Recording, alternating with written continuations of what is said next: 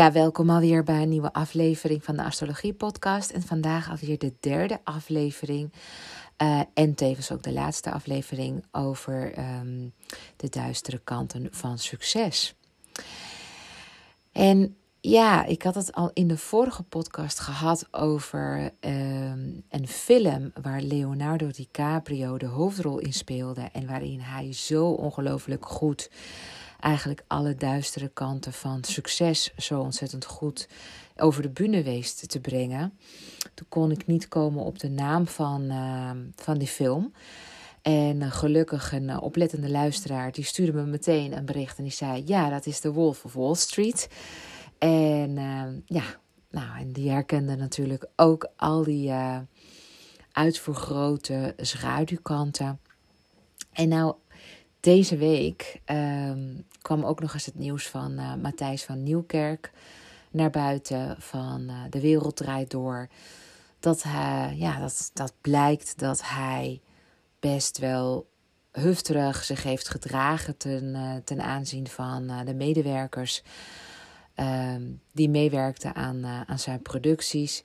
En nou ja, dat schijnt hij na jarenlang te hebben gedaan. Dus uh, stelselmatig medewerkers uh, nou ja, te hebben geklaneerd of te hebben uitgescholden. Ik was er niet bij, maar je hebt waarschijnlijk ook wel deze verhalen meegekregen uh, in de media.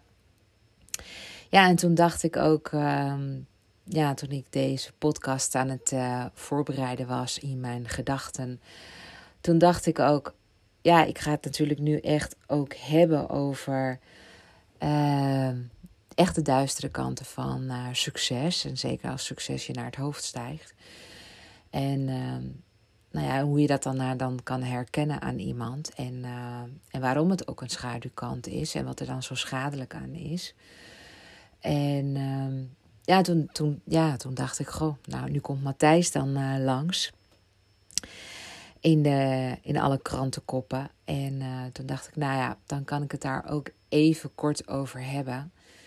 Kijk, wat je ook van Matthijs vindt. Um, persoonlijk vind ik dat hij gewoon een dijk van een programma altijd heeft neergezet. Waar ik zelf persoonlijk met heel veel plezier naar keek. Vooral naar de afleveringen uh, waar Peter R. de Vries aan tafel zat ja, dat vond ik ook altijd een hele boeiende, merkwaardige man. En die zeker ook de, de schaduwkanten van het, uh, van het leven ook opzocht en uh, naar het licht bracht. Daarom vond ik het ook heel erg interessant. Maar Matthijs um, had altijd wel interessante tafelgasten. En ja, hij heeft dat programma 15 jaar gedaan. En elke avond moest hij natuurlijk een programma neerzetten. En ja, dat, dat, dat vraagt natuurlijk ook om voorbereiding, om concentratie, om uh, prestatiedruk. Want ja, de kijkcijfers uh, waren ook wel afhankelijk uh, van zijn show. Van hoe hij het deed. En um, ja, daar werkt dan gewoon een heel team mee aan, aan de productie. die dan niet in beeld komt, maar die wel heel veel mogelijk moet gaan maken. En dat is bij elk bedrijf zo. Want ja, elke leider van een bedrijf uh, hangt eigenlijk ook, uh, ja, moeten we zeggen, uh, steekt met zijn hoofd boven het maaiveld.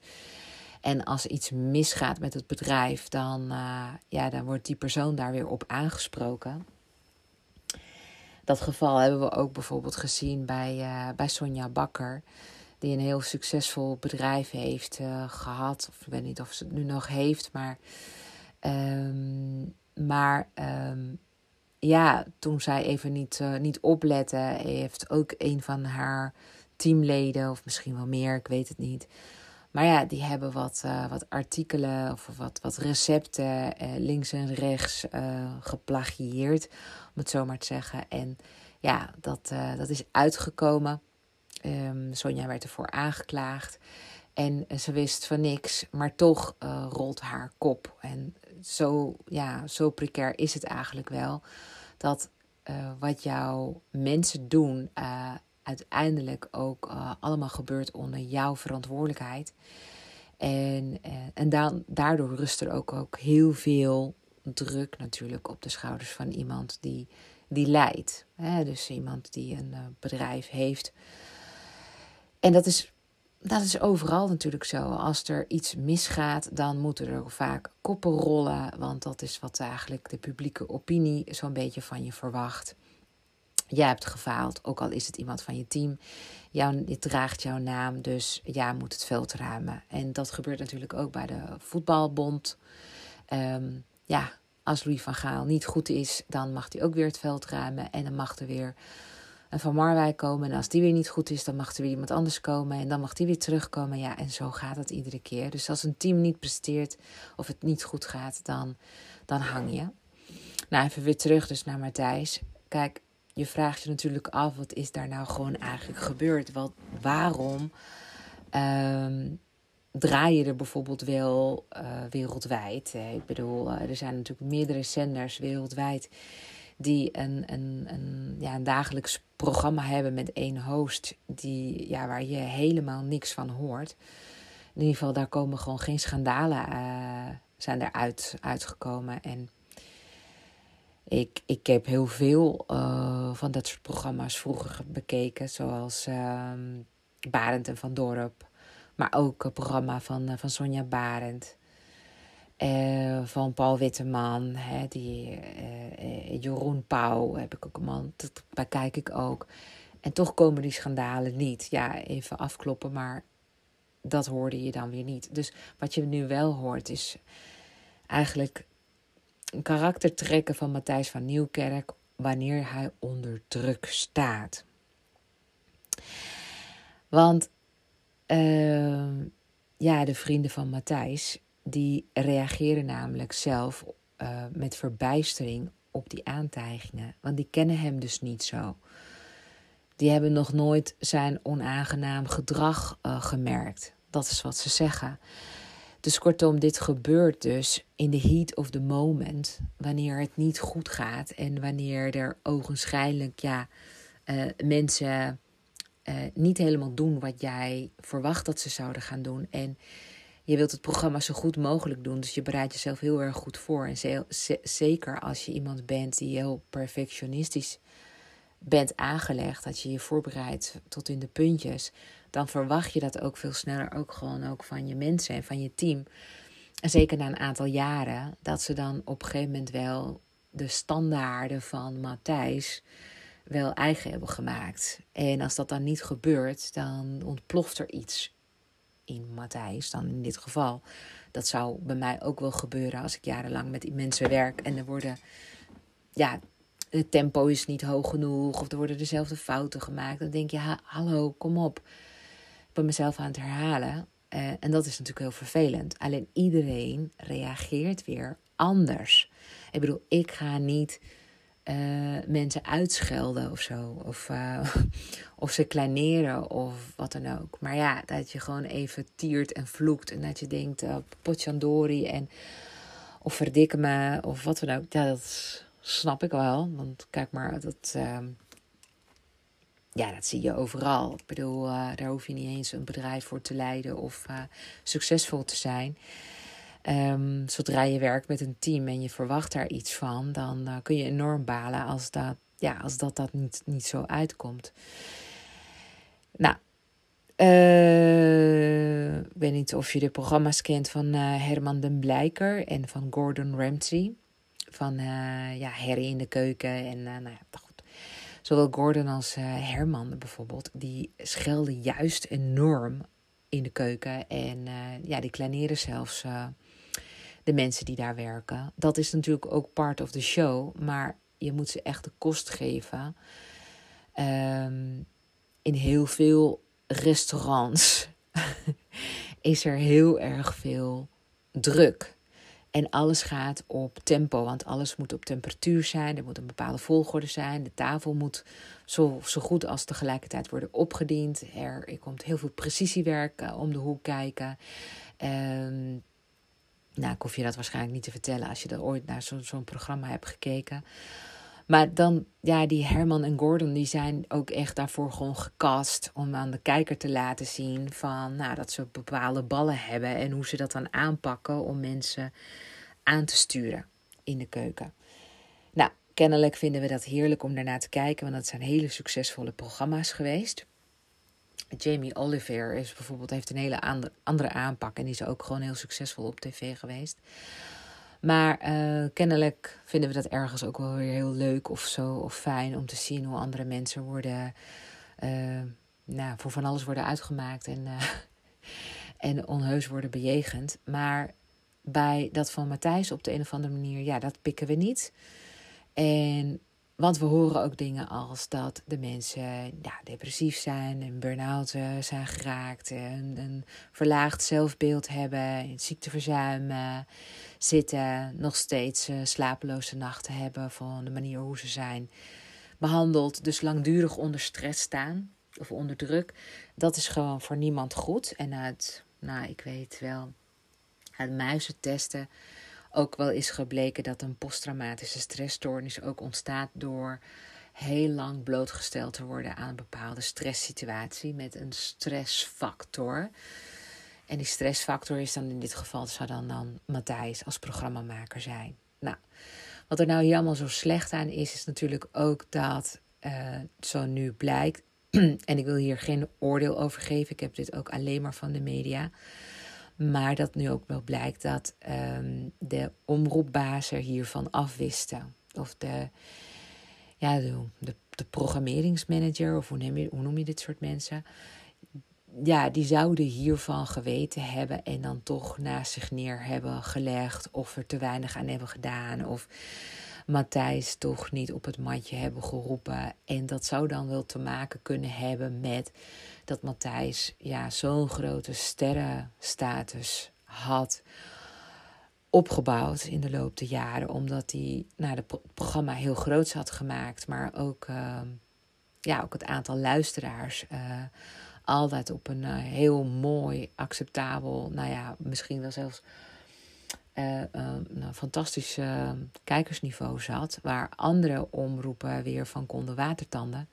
Ja, daar voel je natuurlijk ook een soort van fantastisch persoon. Hè? Want je weet, ja, mijn programma is succesvol. En dat komt omdat ik hem run. En uh, we kunnen alleen maar succesvol blijven als we het blijven doen zoals ik het, uh, zoals ik het uh, nou ja, perform, om het zo maar te zeggen. Ja, is het dan daardoor naar zijn hoofd gestegen? Nou ja, daar ga ik het nu even in deze podcast over hebben. Maar daar ga ik het ook over het algemeen hebben. Wat dus eigenlijk de duistere kanten van succes um, juist kunnen zijn. Dus wat er dan eigenlijk met een mens gebeurt.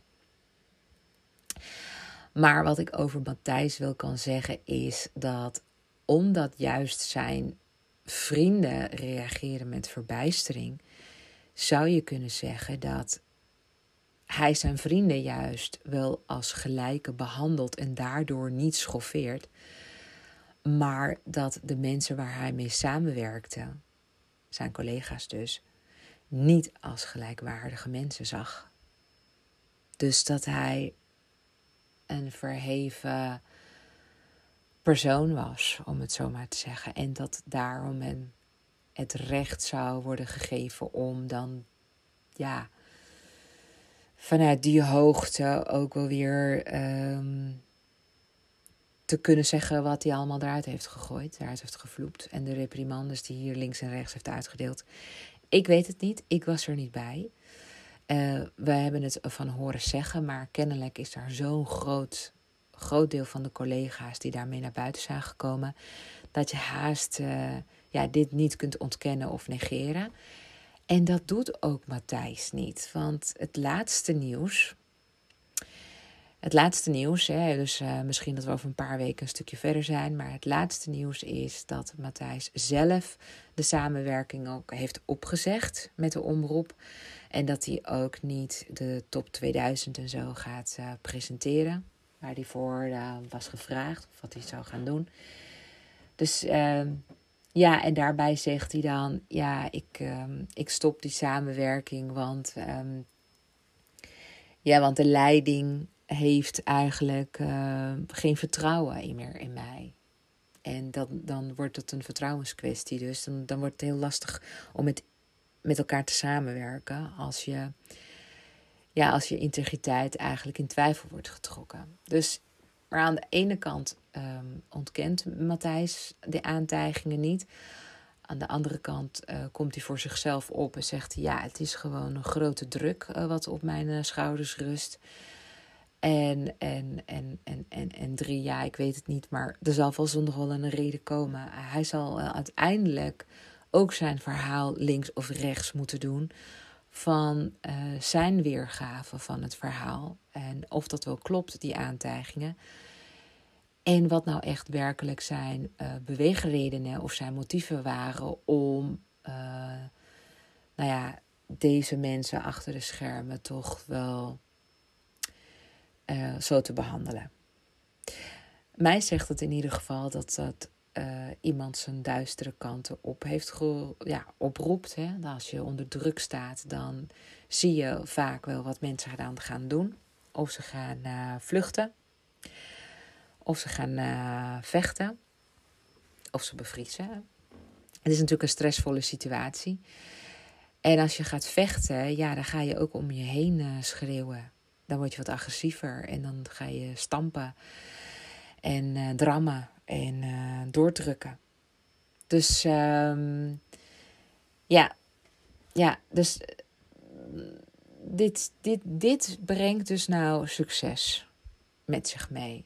En wat hier ook natuurlijk gebeurt, want dat zei ik ook in de vorige aflevering dat ik het vandaag hierover zou hebben, dat succes met slapeloze nachten komt. En ik weet zeker dat Matthijs op dit moment niet lekker slaapt. Ik bedoel, half Nederland heeft het over hem, praat over hem. Uh, maar er worden weer nieuwe, ja, worden er weer oude wonden weer opengehaald. Weer bij andere programma's en bij andere organisaties. Van mensen met soortgelijke verhalen. Want Matthijs is natuurlijk niet. Uh, ja, ik denk dat Matthijs een soort van de topje van de ijsberg is. Ik denk dat in heel veel organisaties. Um, uh, mensen met de macht. Uh, hun medewerkers, teamleden of personeel uh, niet, niet, niet goed behandeld. Maar ja, er is toch een gezagspositie, een, gezagsverhouding, waarbij ja, jij dan afhankelijk bent van werk en dus ook van inkomen um, van iemand anders. En daardoor pik je waarschijnlijk eerder iets van zo iemand. En die persoon komt er dan ook even mee weg. Maar goed, succesvolle mensen hebben dus net zo goed slaaploze nachten. En ik denk zelfs wel meer dan anderen. Want zij hebben ook angst voor een publiek schandaal. En niet zozeer omdat ze gewoon weten dat ze iets op een kerfstok hebben, maar omdat gewoon gevaar altijd op de loer ligt, links of rechts. Er kan altijd iemand dingen over jou onthullen of de wereld inslingeren die niet waar zijn. Of uh, je, ja, je, je ex-vrouw of je kinderen of je ouders waar je mee gebrouilleerd bent, toch een boekje over je open doen. Je vindt het toch niet fijn, dus je ligt daar eerder wakker van, want jouw je reputatie uh, ja, is, is, ja, is on the line. Hè? Je kan dus gezien worden als, en je zo ook voelen, dat je een prooi bent. En ook zijn uh, succesvolle mensen bang dat ze bijvoorbeeld als fraudeur worden gezien. Dat, dat, dat ze bang zijn dat op een dag gewoon iemand ze gaat. Um, en dat doen meestal columnisten. Pittige columnisten zijn er. Uh, ik zal maar geen namen noemen. Maar die columnisten, die, uh, ja, die weten wel gehakt van je te maken. En voordat je het weet, word je gewoon of gezien als een fraudeur. Of als een niet-integer persoon. Of iemand met een dubbele agenda. Of een ander belang. En zelfs als je gewoon nog nooit um, mikpunt van schandalen bent geweest. Kan het zomaar in één keer veranderen. veranderen. Dat gebeurde ook met um, nou, Winston Gustavanic bijvoorbeeld. Nou, ik mag hem. Het is gewoon. Uh, ja, ik denk dat het gewoon, naast dat hij een mooie presentator is, uh, dat hij ook gewoon een uh, investeerder is met,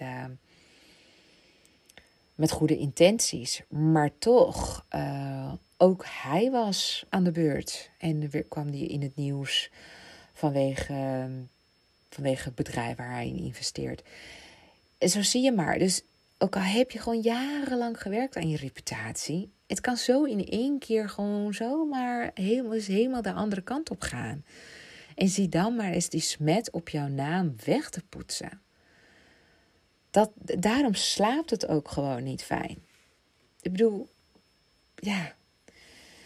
Daarnaast, ja, een, een, een, een succesvol persoon heeft ook een familie.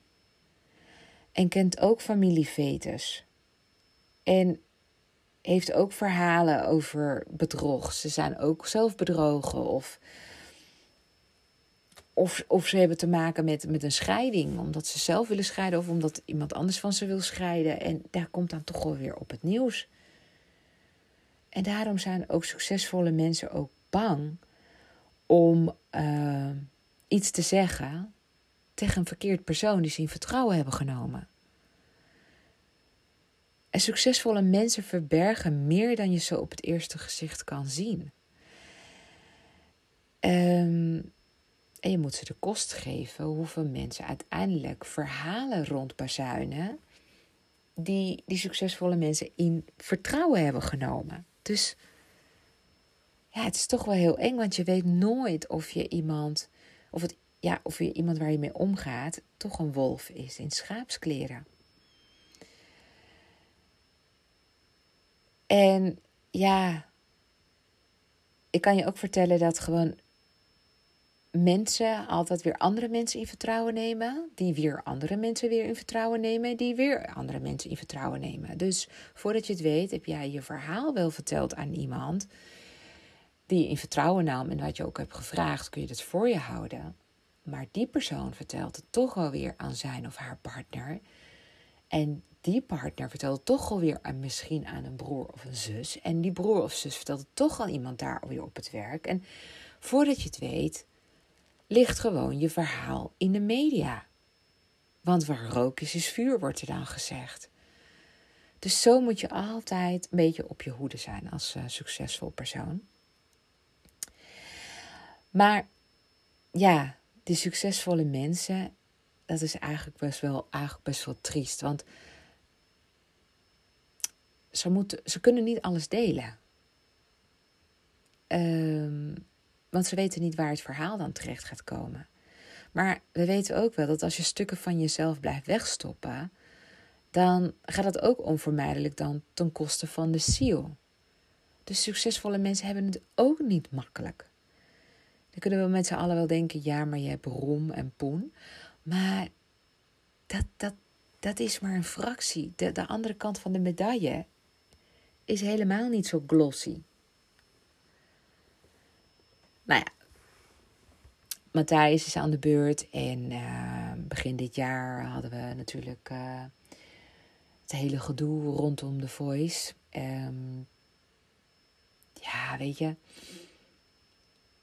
Als je echt een goede leider wil zijn, dan is het zo ontzettend belangrijk om ook naar je eigen schaduwkanten te kijken. Uh, want echte leiders, ja, die hebben gewoon echt geleerd van hun eigen diepte. Zoals Eleanor uh, Roosevelt en Abraham Lincoln en Winston Churchill, ja, Florence Nightingale. Maar ja, om ook dichter bij huis te blijven, ik ook. En ik leerde er nog steeds van. Want we hebben allemaal zo onze schaduwkanten. Ja, ik zal maar even een paar delen. Want anders denk je van ja, wat zijn dan jouw, wat zijn jouw schaduwkanten, Deb? Nou, kijk, een van mijn schaduwkanten van vroeger. Ik heb het nu even over vroeger, want het is makkelijker om te reflecteren op, uh, op hoe het vroeger was. Um, wat ik vroeger deed bijvoorbeeld, is als wanneer iemand iets vertelde, in verdriet of in enthousiasme, dat ik zonder na te denken dacht: Oh, daar heb ik ook een soort gelijk verhaal over. Dus ja, als iemand dan vertelde van, uh, uh, nou, mijn kind kan lopen, dan ging ik dan ook vertellen over mijn kind die ook kan lopen. Zo, ja, het is maar een klein voorbeeld, maar uh, ja, ik, ik deed dat gewoon. Dus als iemand zei, ja, ik heb, uh, ik heb een dierbare verloren, dan had ik het ook over een dierbare die ik ook had verloren, ook al was het jaren geleden. En op de een of andere manier dacht ik van dat de ander het wel fijn zou vinden en dat we daarmee een soort van gemeenschappelijk uh, uh, nou ja, dialoog hadden om erover te praten. Maar nee, nee, nee, ik leerde dat dat toch net niet in dank werd afgenomen. De bedoeling was dat ik zou gaan luisteren en dat het niet over mij mocht gaan, niet over mij moest gaan. Nou, dat heb ik dus geleerd met vallen en opstaan. En ik hou gewoon tegenwoordig ook gewoon mijn mond. Het is ook helemaal niet relevant wat ik heb meegemaakt. En als ik dat wel relevant vind, dan begin ik daar zelf over in een ander gesprek. En zolang dat niet nodig is voor het gesprek, ja, hou ik gewoon mijn mond. En weet ik dat die ander er veel meer aan heeft wanneer ik gewoon luister met heel mijn zijn. Nou, dat was dus ook een schaduwkant van mij. Nou, een andere schaduwkant is. Nou, ik was bijvoorbeeld als iemand aan het praten was, dan was ik vaak bezig met mijn volgende vraag te bedenken. En luisterde ik eigenlijk helemaal niet zo goed naar wat iemand me aan het vertellen was. Dan, dan dacht ik dat ik twee dingen tegelijk kon doen. En, en nadenken over de volgende vraag en de ander ja, goed aanhoren. Maar nee, dat kan niet. Het brein kan niet beide. Eh, dus um, in, in ieder geval niet met volle focus. Dus ik stelde alweer een nieuwe vraag, waardoor de ander zich toch nog steeds niet begrepen voelde of gehoord voelde. Nou ja, om in verbinding te willen blijven met mensen, ben ik, ben ik me dat ook gaan afleren. Dacht ik, ik ga helemaal geen vragen meer bedenken. Ik ga eerst wachten totdat er een punt komt. En dan ga ik nadenken over wat die persoon heeft gezegd. En dan, als het dan nog relevant is, dan stel ik een aanvullende vraag. Of, uh, of ik vraag ook van, wil je mijn mening hierover weten? Of vraag je mij nu om advies? Ik check dat gewoon even. En 9 van de 10 keer zeggen ze, nee, nee, ik, ik wou gewoon even mijn gedachten ordenen. Of, of ja, ik was gewoon wel benieuwd wat jij ervan vindt. Kijk, en dan, uh, dan heb je ook toestemming en dan, dan kan je komen met je verhaal. Maar dat heb ik ook zo moeten leren. Nou ja, en zo nog een paar, paar andere schaduwkanten. En dat ga ik ook wel in de komende podcast er ook nog wel over hebben. Ik heb zo aardig wel op een rijtje wat, uh, wat ik heb gedaan aan, uh, aan persoonlijke ontwikkeling. En waar ik mezelf mee heb geconfronteerd, waar anderen mij mee hebben geconfronteerd waar ik dacht van ja, dit, is niet, dit werkt niet of dit, dit, dit zorgt ervoor dat de verbinding niet lekker gaat. Dus ja, het is allemaal wel heel interessant omdat, uh, omdat dat, dat jij als luisteraar daar ook even gewoon bij stilstaat van goh, wat, wat waren mijn uh, schaduwkanten en wat heb ik er eigenlijk aan gedaan, zodat ik daar nu geen last meer heb en dat ik denk ja, dat heb ik wel, dat heb ik wel overwonnen. Hè? Maar goed. Um, ja, ik heb gewoon wel geleerd van mijn teleurstellingen. Maar ook van mijn fouten en andere pijnlijke momenten in mijn leven. Maar misschien wil je wel weten hoe het een beetje met jou zit. En daarom heb ik ook voor iedereen die hiernaar luistert de mogelijkheid uh, om je gratis geboortehoroscoop aan te vragen. En dat kan op deborahkabau.nl. Deborah eindigt op een H. En als je je geboortehoroscoop aanvraagt, dan krijg je van mij ook een lab tekst erbij met uitleg over jouw geboortehoroscoop. En daar leg ik je nou, niet alleen maar uit wat je talent is en wat, wat ik nog meer zie. Maar natuurlijk ook je schaduwkanten en waar jij dus uh, nog wat kunt leren. En uh, ja, dat, uh, dat krijg je als een e-book in je mail. En het is echt ja, mega waardevol. De meeste mensen zeggen tegen mij: waarom vraag je hier geen geld voor?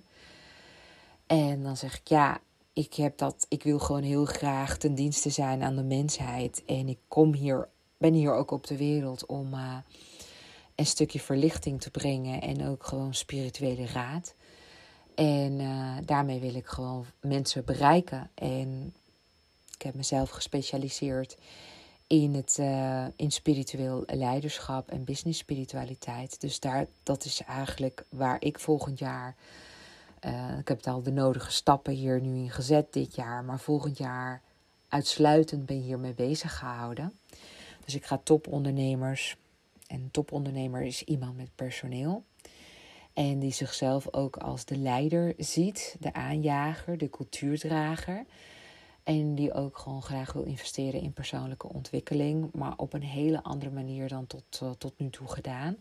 Want ik gebruik de symbooltaal van astrologie. Dus ik duik ook in de horoscoop van de ondernemer. En kom dan vervolgens met die parels van inzichten en ga iemand daarop adviseren en coachen. Zodat het een, ja, zodat de nieuwe leiderschapstijl, waarvan ik vind dat uh, ja, de 21ste eeuw dat echt wel nodig heeft. Dat is namelijk spiritueel leiderschap dat die gewoon meer gaat landen beklijven en dat personeel de vruchten van kan plukken. Want ik geloof wel dat een bezielde ondernemer ook een bezielde organisatie kan creëren waar het fijn is om in te werken en waardoor ook de ziel ook kan groeien. Dus daar waar zuurstof, lucht en water is, dat, dat zijn volgens, voor mij ja, spirituele, spirituele uh, must-haves binnen een organisatie. En dat kan alleen maar de leider uitdragen. En ja, als ik dan even weer terug ga naar uh, Matthijs en, en, en de ja, wie is nou verantwoordelijk uiteindelijk voor de, de arbeidsomstandigheden op de werkvloer? van een programma, waar een programma wordt gemaakt. Ja, is dat de programmaleiding? Is dat de, pro, de, is dat de omroepbaas? Is het. Um, uh, wie kan je daarvoor verantwoordelijk houden? En ik denk dat het een gezamenlijke verantwoordelijkheid is. Maar ik denk wel dat je gewoon als werkgever altijd verantwoordelijk bent voor de arbeidsomstandigheden van het complete personeelsbestand. En het kan niet zo zijn dat een van jouw uh, uh, het voor het zeggen heeft. Uh, ja, dat. Um, ja, dat. dan heb je gefaald als, als leider. Want je ziet nu ook wat er gewoon gebeurt. Veel mensen zijn ziek van geworden. En nu alsnog leidt ook. Um, nou ja, BNN Vara ook op, op, op hun eigen manier ook een bepaald uh, gezichtsverlies. Ja, hoe moet je dat nou noemen? Terwijl daar zo ontzettend veel getalenteerde mensen werken. Uh, zoals Astrid Joosten, zo volgens mij. Of nou ja, andere programma's, allemaal programma's die er worden gemaakt. Ook van uh, Nova Sembla en zo. Daar zit gewoon heel veel talent, toewijding, bloed, zweet en tranen. En um, ja, hij is gewoon zonde. En dat wil je gewoon niet als leider van een, van een bedrijf. Dat, uh, ja, ik kan me voorstellen dat dat een schrikbeeld is. En dat gebeurt gewoon de beste. Iedereen komt wel een keer aan de beurt.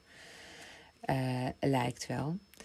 Dus um, ja, het beste wat je hiermee kunt, uh, hoe je hiermee kunt omgaan, is denk ik om heel eerlijk naar jezelf te kijken als leider. Wie ben ik? Waar sta ik voor? Wat vind ik belangrijk? Wat zijn mijn kernwaarden? En hoe neem ik verantwoordelijkheid over mijn personeel? En hoe creëer ik en schep ik een, een, een, een werkplek wat veilig is voor iedereen, waar iedereen gewoon kan groeien en bloeien. En uh, waardoor je allemaal aan alle kanten een win-win situatie krijgt. En je wordt succesvol uh, omdat je de wereld mooier maakt of winstgevend bent als bedrijf. En daardoor uh, groeit ook de ziel van jouw personeel. Um, en jij blijft gewoon altijd, nou ja, vinger aan de pols houden binnen je bedrijf. Van zijn wij nog met elkaar op de juiste manier bezig en gaat het niet ten koste van iets?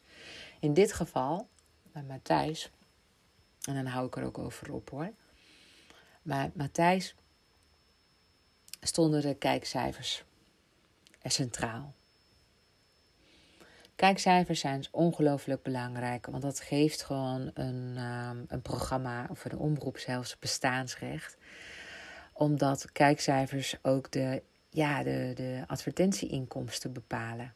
En daarmee moet uiteindelijk ook wel weer het hele, ja, het hele apparaat worden betaald. Dus ook de individuele spelers, dus ook het personeel. Maar er moet ook winst worden gemaakt. Dat is gewoon nou eenmaal het doel van een organisatie. Je maakt iets, maar dat moet wel winstgevend zijn. Van Matthijs zou ik gewoon alleen maar gewoon kunnen zeggen: hij is een, hij is een maagd. Ja, hij is van 8 september. En van maagden weten we ook dat ze gewoon heel graag een pietje precies zijn. Dus heel erg veel oog hebben voor de details. En dat ze een bepaalde eh, structuur uh, hebben en enorm analytisch zijn en uh, snel kunnen, kunnen denken. En um, ja, een soort, soort puurheid van, van gedachten. Ja, en niet om daar natuurlijk daar de schuld aan te geven. En we hebben allemaal trouwens een uh, maagdkant in ons. Dus niet alleen maar ja, Matthijs, maar ik heb hem ook en hebt hem ook. We hebben alle twaalf sterrenbeelden in ons. Alleen de consistentie is anders. Dus de samenstelling van alle sterrenbeelden binnen in jou. En dat heeft allemaal te maken weer met jouw geboortehoroscoop. Maar daar ga ik het nu niet over hebben. Um, maar daar weet je dus dat. Um,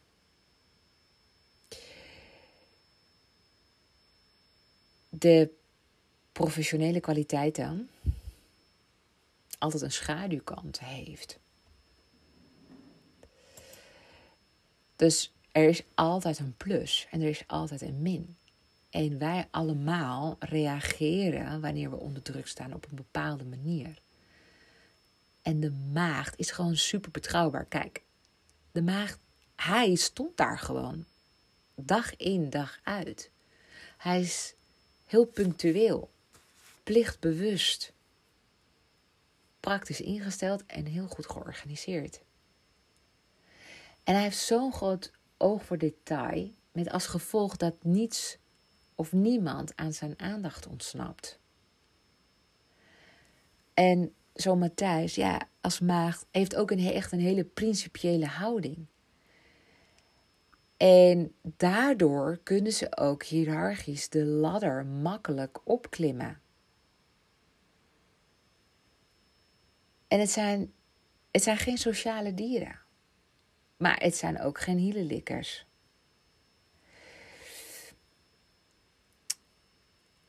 Ze zijn juist ook wel weer heel erg behulpzaam. Hè? Maagden zijn heel erg behulpzaam. Ook trouwens heel erg goed in cijfers. Ik zei het al, ze hebben echt een supergoeie analyserende geest. En ja, en, en, en hij vindt het natuurlijk ook zelf heel erg fijn om intellectueel te worden uitgedaagd. Hij is zelf heel erg intellectueel ingesteld. En dat is ook waar hij, waar hij mee kan imponeren. Hij is ook nog eens verbaal heel sterk.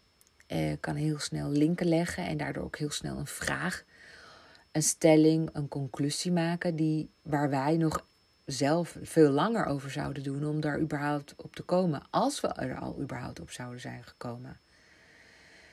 En het is wel zo dat een maagd even iets minder goed, goed in de groep of bij collega's ligt. En dat komt echt door de perfectionisme.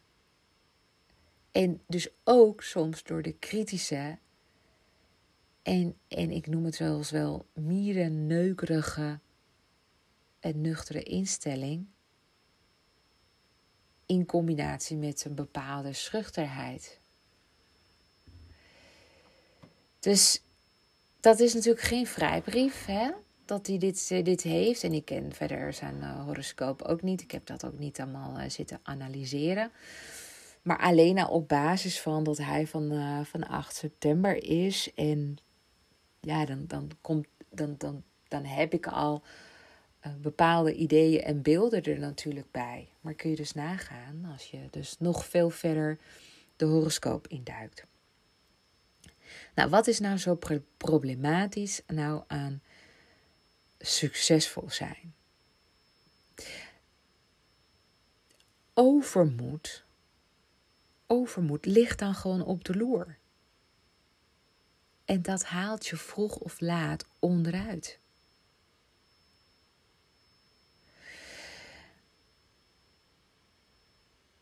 Kijk, in het lange malse gras van het succes voelt men zich maar al te gauw meer dan men is.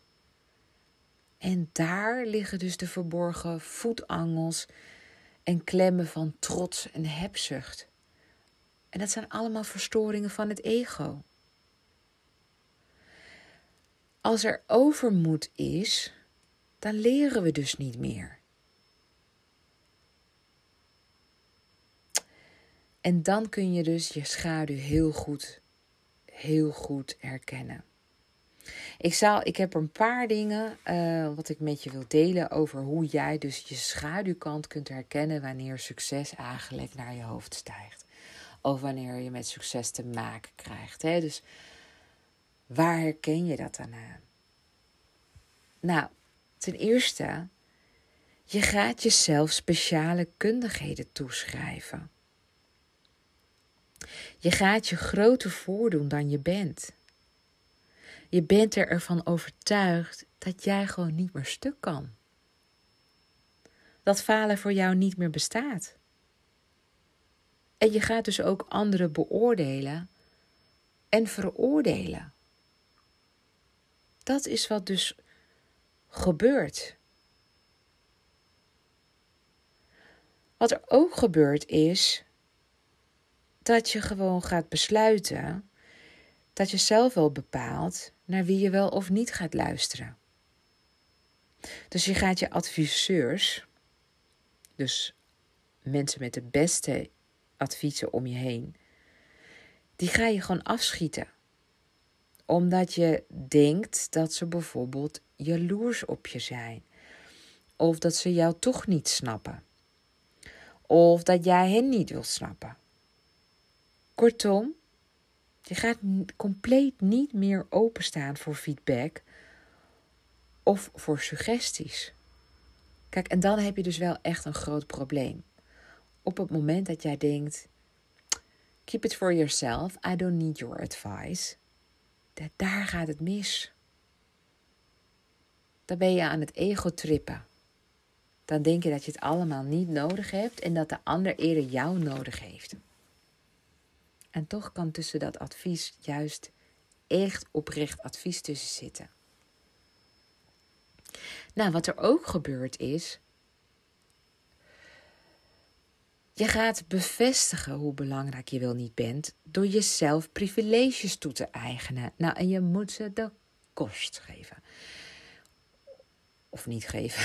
Maar ik ken zoveel mensen die vinden dat ze het hebben gemaakt en dat ze daardoor toegang zouden moeten hebben tot bepaalde privileges. Ze willen de beste zitplaatsen. Ze willen als eerste worden geholpen. Ze willen zich continu zelf op de voorgrond plaatsen. Ze vinden dat ze recht hebben op een voorkeursbehandeling. Ze gaan ook hoogmoedig praten en bepalen ook vaak de regels voor anderen alsof je vanaf nu onder ze staat. Ja, ze willen gewoon boven je staan. Ze vinden dat ze meer te zeggen hebben, uh, ook over jou. En ze willen gewoon eigenlijk de schijnwerpers op zichzelf houden. Ze willen continu zelf op een bepaalde voorgrond treden. En plaatsen jou ergens lager of zo in de rangorde. Lachen je uit, ontkennen je bestaan of uh, geven jou aparte zitplaatsen. Vinden dat ze zelf op een bepaalde plek mogen gaan zitten. Ja, dit gebeurt echt. Deze mensen krijgen als het ware eer over zich heen, zowel zakelijk als privé. Maar weet je, het maskeert alleen nog maar meer en meer hun diepgewortelde onzekerheid. En dat is dus een schaduwkant van, van hunzelf die ze aan het verbloemen zijn. En hierdoor raak je dus gewoon compleet uit verbinding. En op een gegeven moment vinden je mensen je hooghartig of uh, arrogant, um, geen fijn persoon. En ze zullen alleen maar om je heen blijven. Mensen blijven alleen maar om je heen omdat je misschien macht hebt. Maar achter jouw rug om wordt er heel veel over je gesproken. Heel veel. En heb jij er last van? Misschien nu nog niet, maar op den duur wel. En dan kom je erachter dat eigenlijk relaties en relaties goed houden het aller, allerbelangrijkste is in het leven. En zelfs de relatie goed houden met iemand die veel lager in nou ja, in jouw ogen staat dan jijzelf. Deze persoon kan één, of je gaan inhalen op den duur. Of twee, die is mega gelukkig op die plek. En wanneer jij zakt, ben jij niet gelukkig, maar die persoon wel. Nou, wat er ook gebeurt wanneer uh, heel succesvol bent, is dat je vaak ook de moraalridder gaat spelen. Jij deugt en de andere niet. Je gaat extreem uitvergroten wat het contrast is tussen jou en de ander. En verwerpt alles en iedereen die niet voldoen aan jouw onoprechte aangemeten rechtvaardigheidsnormen. Ja. Dus wat ik daarmee wil zeggen is: dat wat jij aan het doen bent, is dat jij dan als de goedzak uit de bus moet komen en de ander niet. Jij moet de uitblinker zijn. Jij zit allemaal beter, mooier, je bent de moraalridder. En daar vanuit die hoogte probeer je macht te hebben door bepaalde mensen klein te houden en door andere mensen mee proberen te krijgen om die ander klein te houden. En op de een of andere manier is dat wat je dan daarmee wil bereiken, is dat jij dan als de beste uit de bus komt. En ja, het, tegenover, het tegenovergestelde is waar. Je hebt het niet door, maar de mensen die een klein beetje mensenkennis hebben, en dat zijn best wel veel mensen hoor, en steeds meer, die voelen haar fijn aan hun water dat jij het nodig hebt om andere mensen te kleineren, om zo jouw eigen ego op te blazen. Of minstens gelijk te houden aan de high waar je in wilt blijven hangen. Dus kortom, de schaduw trekt aan de ego-touwtjes. En zolang je er zelf niet bewust van bent, is dit erg destructief. Je houdt nog minder aan over dan de situatie van voordat het succes kwam. Je relaties verarmen, psychologisch sta je in de kou en je moet van vooraf aan beginnen met relaties. Sommigen willen echt niks meer met je te maken hebben, anderen zijn zelfs bang voor je. Jouw ego crasht en dan kan je echt een identiteitscrisis opleveren. Dus ik zeg ook heel vaak gewoon dat overmoed een dekmantel is om een scala aan schaduwkanten te maskeren. Overmoed is een soort. Het succes is gewoon je naar het hoofd gestegen. Doe maar gewoon normaal.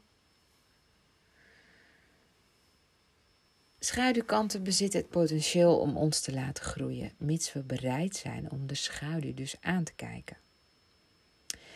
Dus willen we ontdekken waar ons succes ligt en hoe we het kunnen bereiken, dan moeten we elke dag aandacht geven aan onze schaduw. Hiervoor moeten we ons op onszelf terugtrekken, zodat we tot nieuwe inzichten kunnen komen. En weet je, de meeste mensen kunnen dat niet alleen.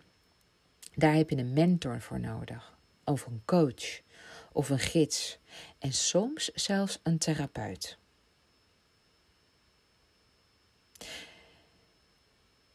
Nou,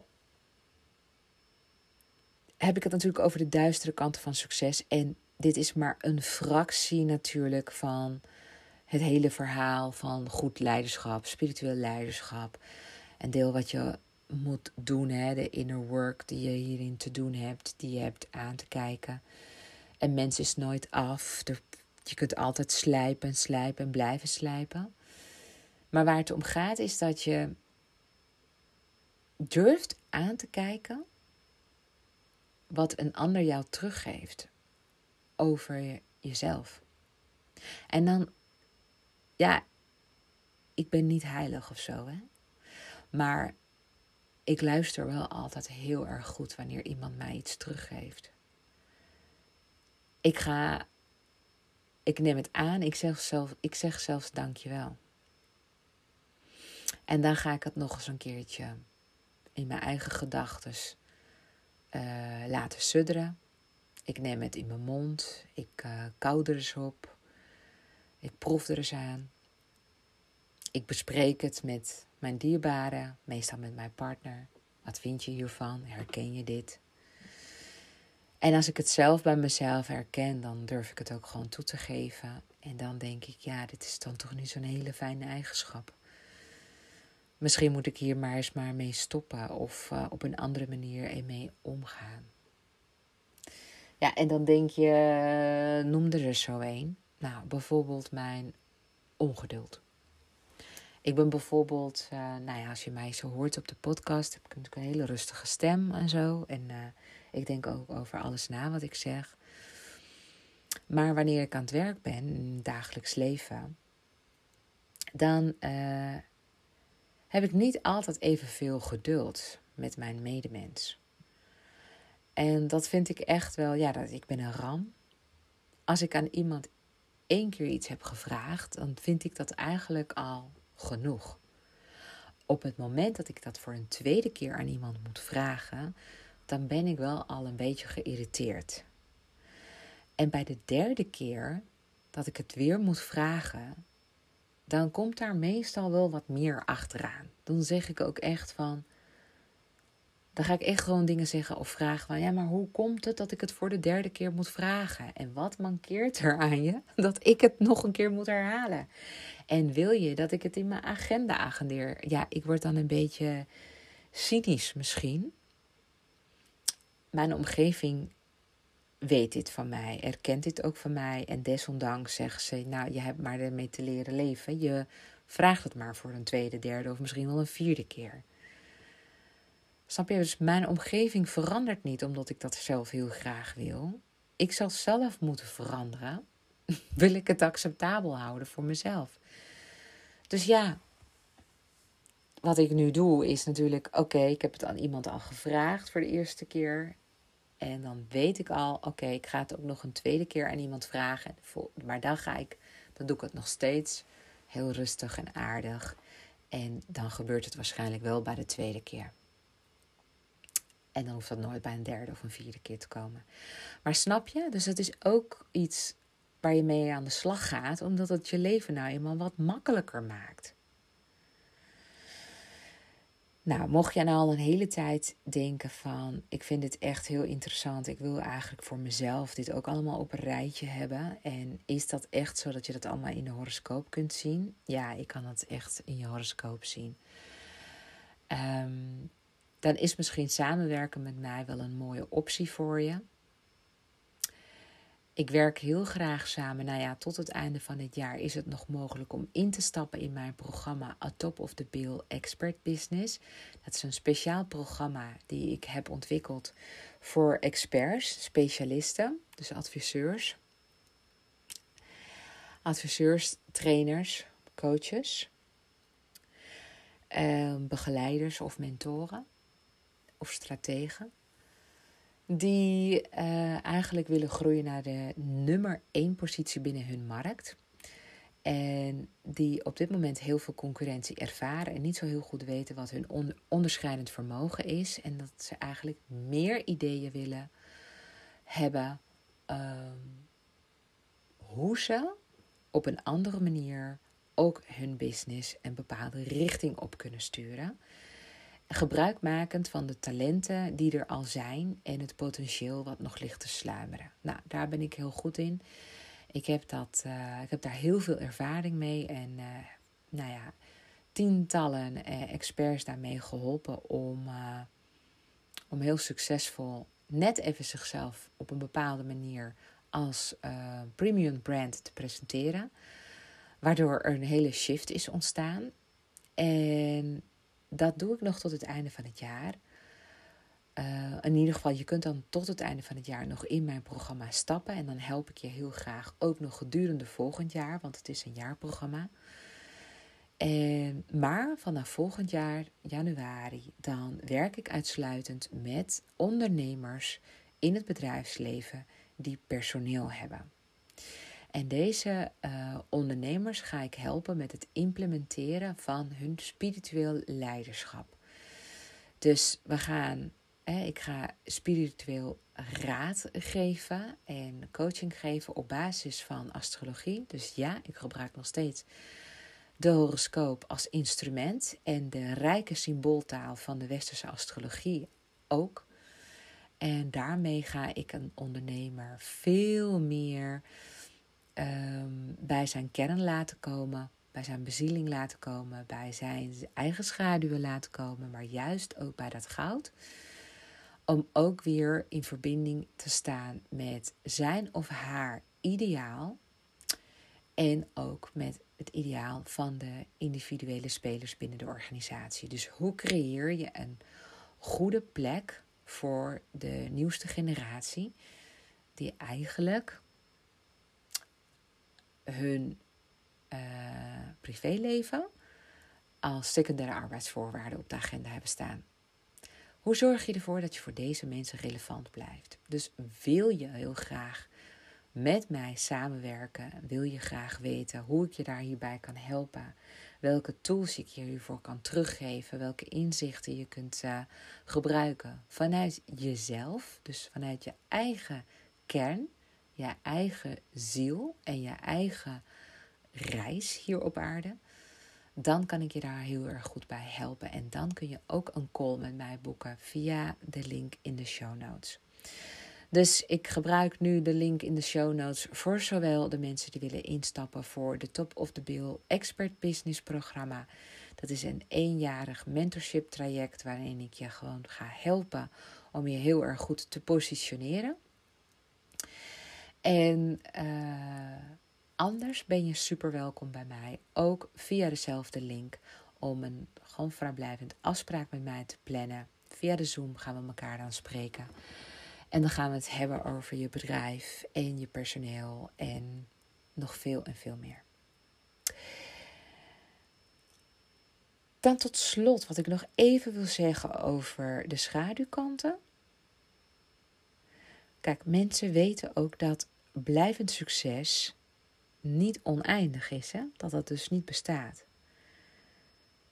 En deze mensen hebben gewoon een wat meer gebalanceerd karakter en bewaren ook hun rust. En denk maar eens aan Mark Zuckerberg van Facebook.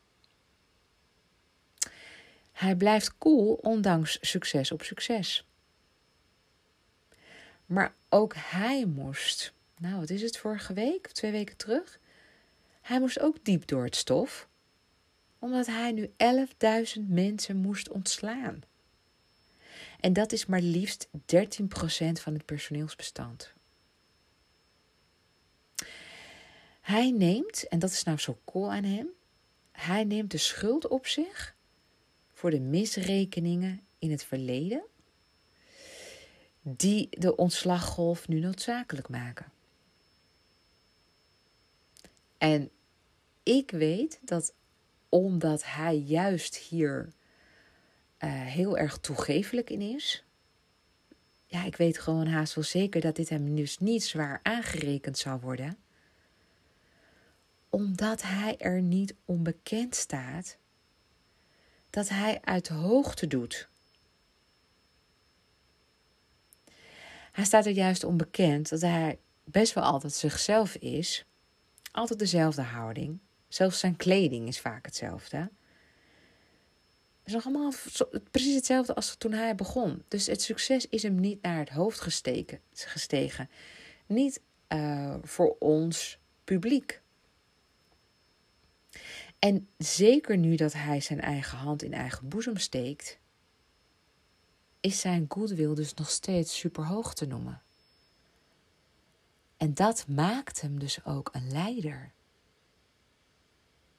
We luisteren naar hem. We zijn super benieuwd naar zijn volgende ontwikkelingen. Nou, dat, ja, wat is het? Dat metaverse van hem, ja, wordt het wel of wordt het geen succes? Weet je, hij durft in ieder geval te blijven innoveren en te blijven ontwikkelen. En het is gewoon zo dat 99% van de producten en diensten die er worden ontwikkeld, uiteindelijk nooit tot een succes zullen leiden. Maar het gaat er juist om voor dat ene procent. En daarvoor durfde hij zijn nek uit te steken. En dat maakt hem ook een leider. Hij blijft menselijk. Hij blijft ook zijn fouten toegeven. Hij heeft een miscalculatie gemaakt. Hij had een andere prognose. En hierdoor staan er weer zoveel banen op de tocht. Maar is dat erg? Nee. Het hoort bij het spel van ondernemen. En misschien verzint hij over een paar jaar weer wat anders en trekt hij zo weer 20.000 mensen aan. Nou, dus dat. Nou, ik wil je heel erg bedanken weer, weer wederom voor je loyaliteit. Dat je, als je nu nog aan het luisteren bent, dat je de moeite hebt genomen om deze aflevering weer helemaal tot op het einde mee te luisteren. Ik hoop dat het veel inzichten voor je heeft gebracht, dat je er wat aan hebt, dat het je aan het denken heeft gezet, al zou het maar door één of twee zinnetjes zijn geweest, dan uh, ja, word ik daar zelf ook heel blij van, want daarvoor maak ik ook deze podcast. Vergeet je niet te abonneren op deze podcast als je het uh, waardevol vindt, allemaal wat ik te melden heb. Op deze manier blijf je op de hoogte wanneer er weer een nieuwe aflevering uh, verschijnt zou het ook heel erg leuk vinden als je ja, deze aflevering uh, interessant vindt. Om hem ook te waarderen op Spotify. Daar kun je me ook uh, 5 sterren review geven.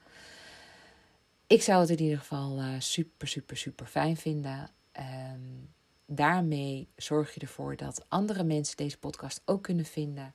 En zo maken we met elkaar de wereld een stukje mooier en lichter. En mocht je nog steeds denken, dit is misschien wel mijn kans om nu een keer te gaan samenwerken met Deborah. En dus een keer echt goed naar mijn horoscoop te laten kijken en wat de sterren voor mij in petto hebben.